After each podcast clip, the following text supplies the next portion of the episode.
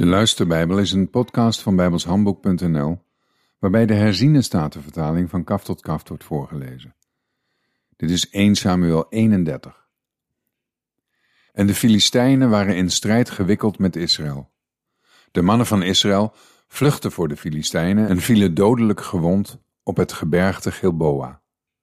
De Filistijnen hielden dicht op Saul en zijn zonen aan, en de Filistijnen doodden Jonathan, Abinadab en Malchisua, de zonen van Saul.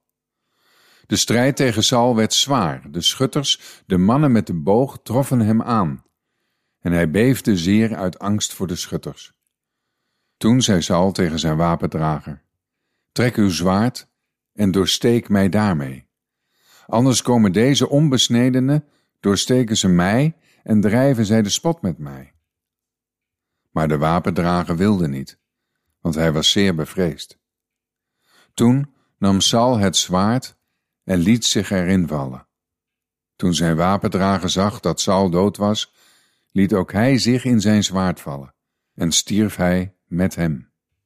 Zo stierven Saul, zijn drie zonen, zijn wapendrager en al zijn mannen tegelijk op die dag. Toen de mannen van Israël, die aan de overkant van het dal en aan de overzijde van de Jordaan waren, zagen dat de mannen van Israël gevlucht waren en dat Saul en zijn zonen dood waren, verlieten zij de steden en vluchtten. Daarna kwamen de Filistijnen en gingen er wonen. En het gebeurde de volgende dag, toen de Filistijnen kwamen om de gesneuvelden te plunderen, dat zij Saul en zijn drie zonen vonden, liggend op het gebergte Gilboa.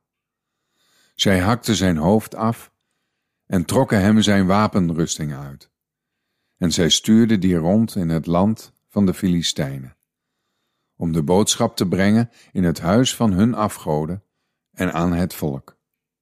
Zij legde zijn wapenrusting in het huis van Astarte, en zijn lichaam staken zij vast aan de muur van Betsan. Toen de inwoners van Jabes in Gilead ervan hoorden wat de Filistijnen met Saul gedaan hadden, stonden alle strijdbare mannen op ze liepen de hele nacht door en namen het lichaam van Saul en de lichamen van zijn zonen weg van de muur van Betsan. Zij kwamen in Jabes en verbrandden ze daar. Ze namen hun beenderen en begroeven die onder het geboomte bij Jabes. En zij vasten zeven dagen. Tot zover.